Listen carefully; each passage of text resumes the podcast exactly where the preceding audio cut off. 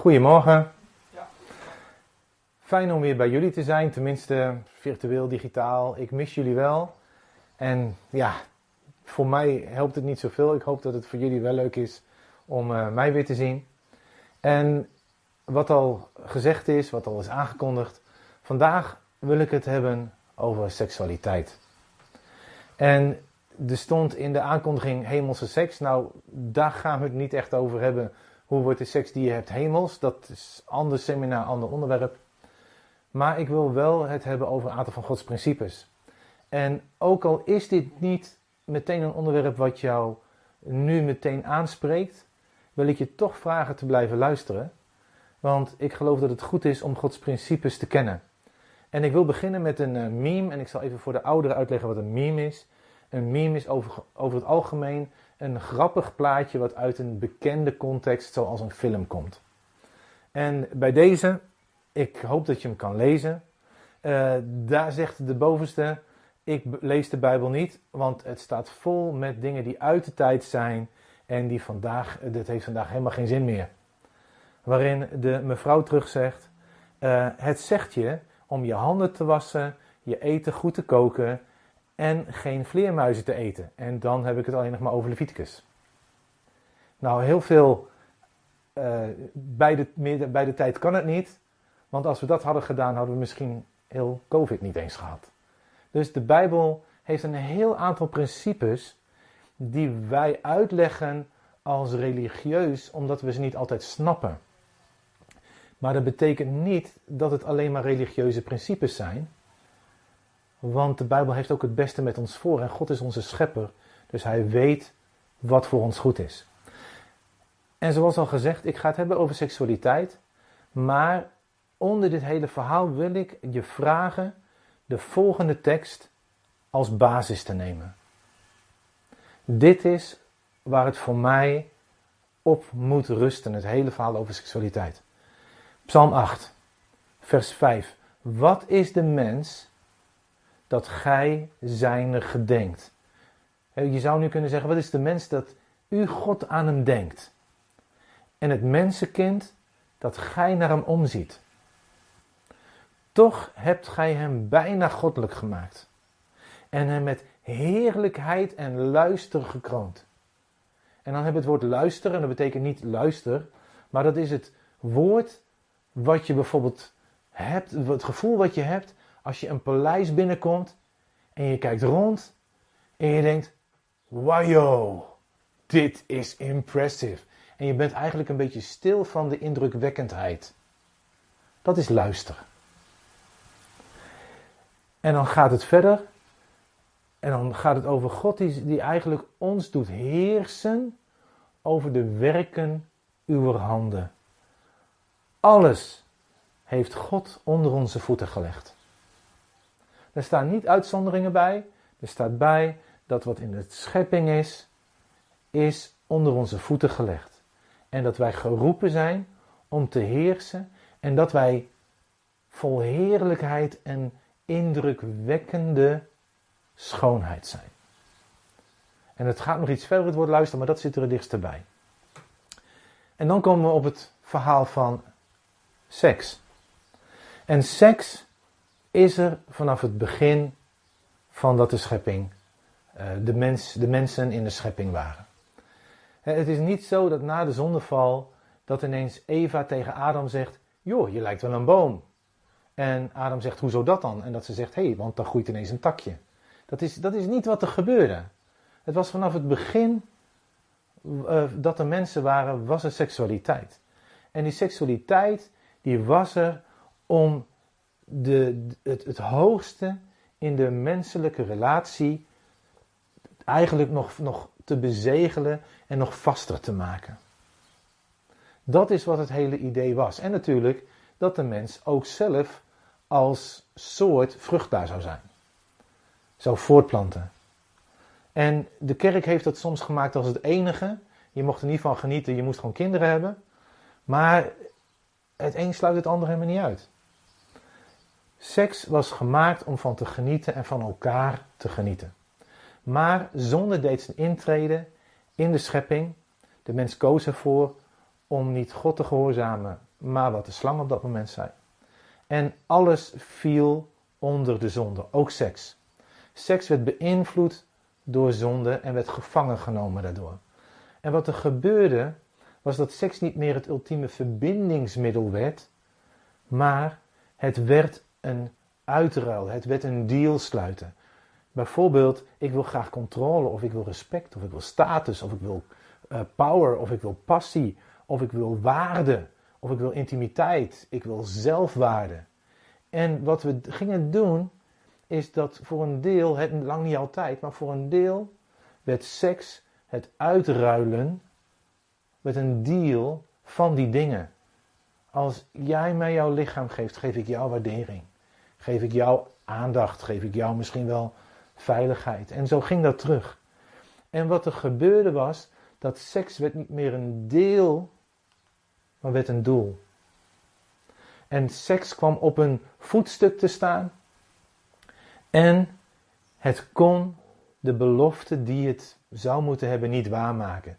Het ging onder, onder druk van al die beloftes die het in zich zou hebben.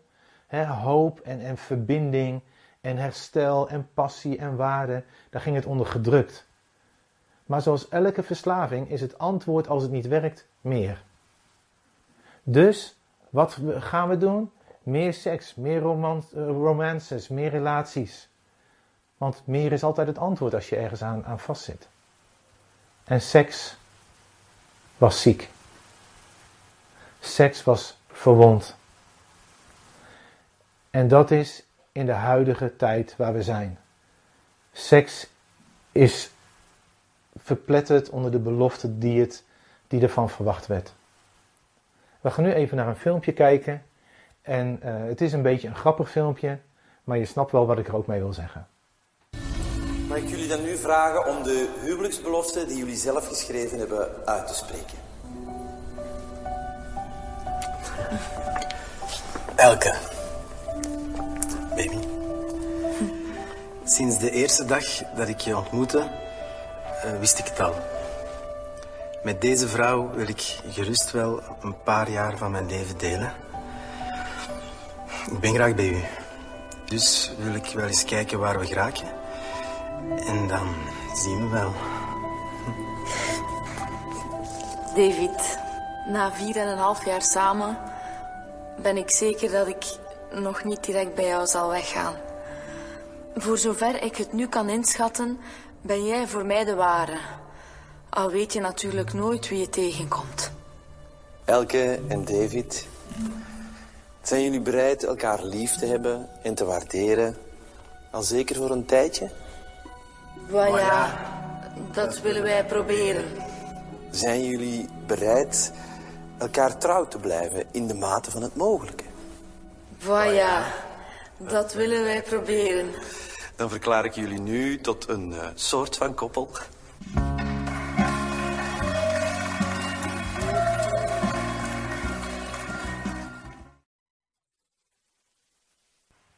Nou, het is natuurlijk een beetje een grappig filmpje, maar jammer genoeg is het ook pijnlijk. Want het laat ook zien hoe we eigenlijk met relaties omgaan. Wel ja, we zullen het wel proberen. Maar dat is niet wat God voor ogen had toen hij het had over man en vrouw die elkaar aanhangen. En ik denk heel eerlijk gezegd dat de manier waarop wij omgaan met seksualiteit één van de aanleidingen is dat het lastiger is om bij elkaar te blijven. Nou, ik ga het hebben over seksualiteit, hoe de Bijbel daarnaar kijkt, uh, ook hoe je ermee omgaat voordat je getrouwd bent. En ik ga daar gewoon eerlijk over zijn. Ik, ik ga niet zeggen, nou hier heb je drie Bijbelteksten en succes ermee, maar ik ga er gewoon eerlijk over zijn. Nou, waarom zou je niet wachten? Nou, iedereen doet het. Het is normaal, het is de norm. Je moet niet alleen kijken of je bij elkaar, maar ook kijken of je op elkaar past. Ja, maar we houden toch van elkaar. En wat is de big deal? Waar doet iedereen zo moeilijk over? Het is maar seks. Dat is waarom mensen zeggen: je hoeft niet te wachten tot je getrouwd bent om met elkaar intiem te zijn. Wat zijn de redenen om juist wel te wachten? Nou, waarom zou je wel wachten? Ik weet dat ik daarmee de discussie plat sla, maar als ik het niet ga noemen, zou ik niet compleet zijn. Dus het is Gods idee. Ik wil dat er echt bij noemen en dat ga ik zo ook doen. Uit onderzoek blijkt dat je een beter huwelijk hebt. En het blijkt zelfs dat je betere seks hebt als je wacht tot na het huwelijk. En dat klinkt tegenstrijdig, maar ik ga je meenemen waarom. Ik begin over Gods idee. 1 Korinthe 7, er zijn meerdere teksten die het onderschrijven. Jammer genoeg gaat soms in een nieuwe vertaling gaat iets verloren van wat er staat in sommige teksten over dat mannen en vrouwen pas met elkaar naar bed gaan als ze getrouwd zijn. Omdat in een aantal van die teksten wordt het woord gebruikt voor echtgenoot en niet alleen maar vrouw. Maar dat is verder iets om te onderzoeken. Hier 1 Korinthe 7, maar om ontucht te vermijden, moet iedere man zijn eigen vrouw hebben en iedere vrouw haar eigen man. Nou, dan zeg je, ja, maar dat zegt nog niks over dat het in het huwelijk hoort. Maar we zijn nog niet klaar. Maar als zij zich niet kunnen beheersen, laten zij dan trouwen. Want het is beter te trouwen dan van begeerd te branden. Dus de Bijbel zegt, wees gewoon heel pragmatisch. Als je weet dat je gaat trouwen en je houdt het niet vol, dan trouw je gewoon. En dan denk je, ja, dat doe je toch niet? Nou, waarom niet? Ik weet nog dat uh, Carla en ik, wij zijn nu uh, eh, 30 jaar getrouwd. En uh, dank je, ik hoor applaus, dank je. En dat is vooral voor Carla dan trouwens, dat snap ik. Maar vlak voordat wij gingen trouwen, kwam ineens een vriend naar me toe. En die zei, ja, wij gaan ook trouwen, twee weken voor jullie. En achter in mijn hoofd dacht ik, oh, dat is jammer, dan is onze bruiloft niet meer zo speciaal. Dus ik vroeg aan hem, waarom gaan jullie zo snel trouwen? Hij zei, eerlijk, wij gaan het niet redden als wij langer uh, wachten. We staan gewoon te veel in de fik. Wij gaan trouwen. En die zijn dus nu twee weken langer getrouwd dan Carla en ik. Uh, ik denk dat het een hele goede keus van hen was. Vers 36. Maar als iemand denkt dat hij ongepast handelt ten opzichte van, opzichte van zijn aanstaande vrouw, die nog maagd is. Dus er is nog geen seks geweest, hè? Als de jaren van haar jeugd voorbij zijn. Dus het heeft wel te maken met een leeftijd die acceptabel is. Hè? Dus kindbruidjes en zo, dat niet. Maar jaren van haar jeugd zijn voorbij. En het op deze wijze behoort te gebeuren. Laat hij doen wat hij wil. Hij zondigt niet. Laten ze trouwen. Dus ga niet zondigen, ga trouwen, wordt hier gezegd. Nou, dat laat ik even aan de tekst verder over. Uh, maar dat is wel waar volgens mij de Bijbel duidelijk is. Maar er is iets met ons gebeurd. Waarom ook binnen de kerk daar een, eigenlijk een discussie over is en soms al niet eens meer. En dat is volgens mij te illustreren met dit plaatje. De hele samenleving is veranderd in de jaren, vanaf de jaren 50 tot nu, begin jaren 60 zelfs, is veranderd in, je, het is niet meer voor het huwelijk voorbehouden, maar je kan gewoon doen als je daar zin in hebt. Het, het, schaadt niemand, het is gewoon voor het plezier. Maar dat is langzaam veranderd. En eigenlijk wat er met de kerk gebeurd is, is dat die heel langzaam is meeverwarmd. En ze zeggen dat als je een kikker, als hij tenminste blijft zitten in dat water, in water doet en dat water verwarm je heel langzaam, dat de kikker niet het verschil voelt. Die voelt niet dat het langzaam opwarmt, want die warmt langzaam mee op. Hij is niet gevoelig genoeg, hij heeft geen eigen uh, thermostaat en hij warmt mee op tot hij het aan overlijdt. En dat is eigenlijk wat met ons als kerk gebeurd is. We zijn een deel van onze eigen thermostaat kwijtgeraakt. En we zijn gaan mee gaan opwarmen in dit idee met de wereld. En daarom heeft dat tot effect dat we dat ineens heel ingewikkeld vinden. Terwijl de Bijbel daar eigenlijk heel helder in is. En wat ik al zei, de Bijbel is daar niet alleen helder in omdat het een religieus voorschrift is, omdat God weet hoe we in elkaar zitten. Want wat gebeurt er nou met een man als hij voor het eerst seks heeft? Nou, daar heb ik dit plaatje bij. Deze meneer, een of andere Fransoos, die heeft eens gekeken wat er gebeurt als ganzen uit het ei komen en als eerste wat ze zagen was hij. voor degenen die van films houden, Jurassic Park. Ik weet niet of je dat kan herinneren. Dan komen die dino's uit het ei en dan zegt die man, het eerste wat zij zien, daarvan denk, eerst levende wezen dat ze zien, daarvan denken zij dat is mama. Nou, dat is wat met deze ganzen is gebeurd. Het eerste wat zij zagen was die man. Nou, die man is duidelijk niet mama. En het is wel leuk om erop te, op te googelen. Die meneer die gaat bijvoorbeeld delta vliegen en die ganzen vliegen erachteraan. Hij gaat zwemmen en ze zwemmen achteraan, want dat is toch mama. De eerste aanraking met een levend wezen is eigenlijk de standaard. En dat is wat met mannen gebeurt met seksualiteit. De eerste, het eerste ontwaken van de seksualiteit, de eerste gemeenschap, is een soort referentie. Ik hoorde een keer een huwelijkstherapeut vertellen dat er zat een, een echtpaar bij hem in de, in de kamer om te praten. En wat was er aan de hand? Ze hadden geen seks meer. En die vrouw die had zoiets, ja ik wil wel graag, maar hij wil helemaal niet. En uh, die huwelijkstherapeut zei, die vrouw was zo mooi dat het bijna de lucht uit de ruimte zoog, dus daar lag het niet aan. En toch had die man geen behoefte aan seks. En toen vroeg hij, heb je, ben je vroeger seksueel actief geweest? En die man zei, ja, nam ik vrouwen mee naar hotels en was ik hartstikke seksueel actief. En toen vroeg hij, en hebben jullie nooit meer seks? En toen zei die vrouw, jawel, als we soms naar hotel gaan of... Voel je wat er gebeurt? Voor die man was hotel nodig voor seks. Het had zijn referentie voor seksualiteit bepaald. En dat bepaalt dus ook hoe je, hoe je seks ervaart voor een deel.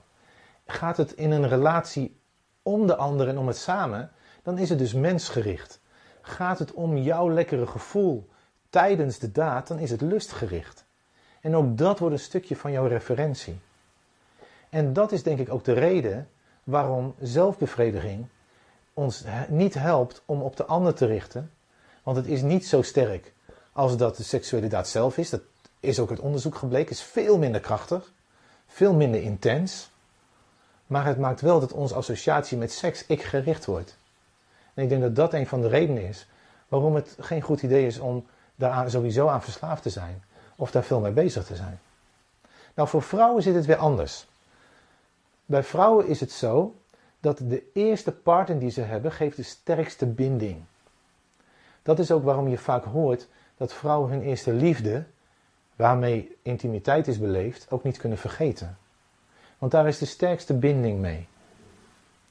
En het is ook zo dat hoe vaker er een seksuele relatie is, hoe minder sterk die binding wordt. En die binding gebeurt door een hormoon dat heet oxytocine.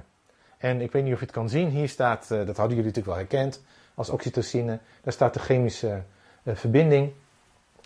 En die maakt dat je je verbonden voelt. Dat is hetzelfde hormoon dat vrijkomt als een vrouw borstvoeding geeft. En helemaal verliefd is op de kindje. En wat het doet, is het geeft vertrouwen, het geeft verbinding. En dat, het verdooft ook een beetje, het haalt de scherpe kantjes er wat vanaf. Dus voor vrouwen is het op die manier belangrijk. En wat blijkt nou uit onderzoek? Dat als je wacht tot de geborgenheid, de veiligheid van het huwelijk, dat mensen die één partner hebben gehad, daarvan blijft 80% bij elkaar. Terwijl de gemiddelde score zit tussen de helft en, en twee derde die bij elkaar blijft.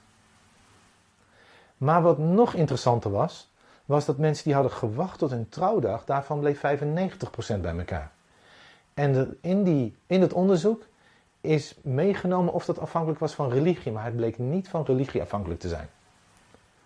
En die mensen die hadden gewacht tot hun trouwen, waren meer tevreden met hun seksleven. Gewoon onderzoek. Ik vind dat wel interessant.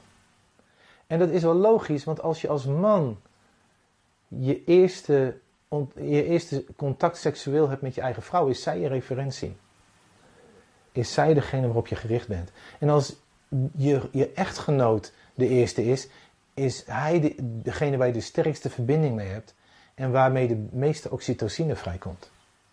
En dat is heel eerlijk waarom je het volhoudt als je getrouwd bent. Oxytocine verdooft, maar dat je elkaar vertrouwt, dat je elkaar meer gunt. En dat hebben we gewoon nodig in een huwelijk, anders hou je denk ik niet met elkaar uit. Dus seks is ook belangrijk om je huwelijk gaande te houden en met elkaar in relatie te blijven, die binding te houden, die oxytocine te laten vrijkomen. Maar er is een groot, groot probleem wat dat betreft. En dat is porno. En ik heb gedacht, moet ik het zeggen of niet? Maar ik kon er niet onderuit. Want porno vernielt de liefde. Wat ook de ideeën zijn die erover gaan.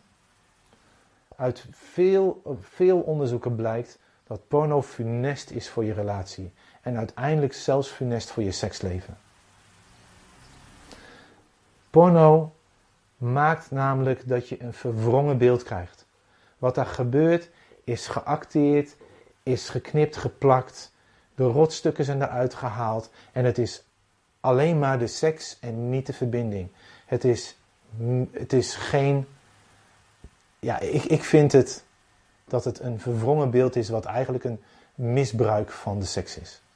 Dat is mijn mening. En het blijkt dat het je relatie alleen maar slecht doet. En wat er gebeurt is dat, en dat kun je niet lezen, maar dit is een, uh, een onderzoek waaruit blijkt dat de meerderheid van de jongens denkt dat pornografie realistische seks is. Moet je nagaan dat ze denken dat als ze een meisje krijgen, dat zij zich gedraagt, en ik vind het rot om te zeggen, maar als een prostituee. En het, wat ik nog erger vind, is dat een derde van de meisjes denkt dat porno een realistische weergave is. Dus een derde van de meisjes denkt dat porno de manier is hoe zij zich moeten gedragen. Ik vind het hartverscheurend, want in porno zit geen respect. Zit geen verbinding. Zit geen liefde. Zit alleen maar het gebruiken van elkaar. En dan kijk ik naar Job. Job die zegt: Als mijn hart verleid is geweest om naar een andere vrouw te gaan, of als ik gehoord heb aan mijn deur van mijn naaste, als ik heb afgeluisterd, hè, dan zou namelijk een vuur zijn dat verteert tot verderf. En dat al mijn opbrengst ontwortelt. Het maakt dat het ons gaat verteren. Het wordt een vuur wat we niet kunnen controleren. En het maakt dat zelfs de, de dingen die ik wil voortbrengen, mijn opbrengst ontwortelt, dat die ontworteld gaat worden. En de vruchten die we voor God zouden willen dragen, daaronder lijden. En dan is er nog één. En die hou ik gewoon even in, uh, in beeld. Ik hoop dat die, dat die leesbaar is. Ik heb een verbond gesloten met mijn ogen. Hoe kan ik, dat is lastig in het spiegelbeeld lezen, begeerig naar een jonge vrouw kijken? Ik heb een verbond met mijn ogen gesloten. Als dit jouw probleem is, sluit een verbond met je ogen. Weet je, ik heb gewoon een sticker op mijn scherm zitten om meerdere redenen. En daar staat not on my screen. Op mijn scherm geen porno. Want daar zit een wereld van pijn achter, daar wil ik niet aan meedoen. En ik wil niet dat het een vuur in mij ontbrandt wat mij zal verteren. En wat mijn relatie zal, zal, zal kapot maken als ik het door laat gaan. En gooi het in het open. Gooi het in het open. Ik ga nog even terug naar de vorige dia. Als je er meer van wil weten, ga naar Fight the New Drug. Dat is een, een niet-religieuze site over verhalen van mensen die vast hebben gezeten aan porno, die er los van zijn gekomen. Soms van ex-porno-acteurs. En ook onderzoeken over pornografie als je mijn verhaal niet gelooft. Of als je andere mensen mee wilt nemen in dit verhaal. Dus Fight the New Drug. Volgens mij .org. En dan kom ik terug bij waar ik begon. Wat is de mens dat gij zijner gedenkt? Wat is het mensenkind dat gij naar hem omziet? Toch hebt gij hem bijna goddelijk gemaakt en hem met heerlijkheid en luister gekroond. Gij doet hem heersen over de werken uw handen. Alles hebt gij onder, onder zijn voeten gelegd. Is de manier hoe jij met seks omgaat, is dat iets wat past bij dat je gemaakt bent met heerlijkheid en luister? Mooi, koninklijk zou je kunnen zeggen. En heers je over je seksualiteit of heerst het over jou? God heeft ons gemaakt om te heersen. God heeft ons gemaakt om daarin vrijheid mee om te gaan. Om ervan te genieten, om die verdoving te krijgen. En dat is ook precies waarom voor een huwelijk seks heel dom is. Want als jij voor een huwelijk die oxytocine vrijlaat, dan ben je gewoon zo dom als het achterend van een varken. Ja, dat zeg ik echt. Want wat er namelijk gebeurt is verdooft je. Terwijl juist in je verkering en je verlovingstijd moet, is de tijd om uit te vinden, is dit een partner waarmee ik mijn leven wil delen? En als jij seks hebt gehad, heb jij een wazige bril op. Dan ben je zo verblind doordat je bent gaan verbinden op een niveau wat pas in het huwelijk hoort, dat je niet meer goed je partner kan kiezen. En daarom is het verstandiger te wachten. God wist wat hij zei. Worden we beheerst of heersen wij? Geven wij het een plek waardoor we ervan kunnen genieten? En echt elkaar kunnen omarmen, kunnen verbinden en genieten van de intimiteit in de bescherming van een relatie waar je een eed op gezworen hebt. Voor God toen je ging trouwen. En ik weet wel, niet voor iedereen is dit het verhaal wat haalbaar nog is. Want het is of al gebeurd. Ehm, maar dat betekent niet als je niet getrouwd bent, dat je niet kan zeggen, ja maar vanaf nu ga ik het doen. Zoals ik denk dat God het voor, voor ons, uh, ons aanraadt en ons vraagt. Zeg dan gewoon, vanaf dat moment heb ik mezelf bewaard voor je. En als je merkt dat het in een huwelijk een issue is, ga er met iemand over praten. Want we zijn niet gemaakt om beheerst te worden. We zijn gemaakt om in Christus in vrijheid te leven. Ook in de seksualiteit. En te mogen genieten van wat God ons geeft. Ook in seksualiteit. Hey, als hier vragen over zijn, ga naar mensen die je vertrouwt. Ga naar leiders van de gemeente. Ga naar het pastoraat. Doe dat gewoon. En ga zorgen dat het niet jou vasthoudt. Omdat je daar ook vrijheid in krijgt. En ik wil je ook vragen dat als dit niet een issue voor je is, omdat je gewoon getrouwd bent en het gaat goed, hè, bid voor de jongeren, want het is een lawine die over ze heen komt. Bid voor ze dat zij zullen vasthouden aan in reinheid voor God leven. En ik weet dat het al bollig klinkt, maar ik heb er geen beter woord voor. Maar bid voor ze en sta achter ze, want het komt als een golf over ze heen. Het lijkt wel geen ontkomen aan. Ja? Hey, dank jullie wel.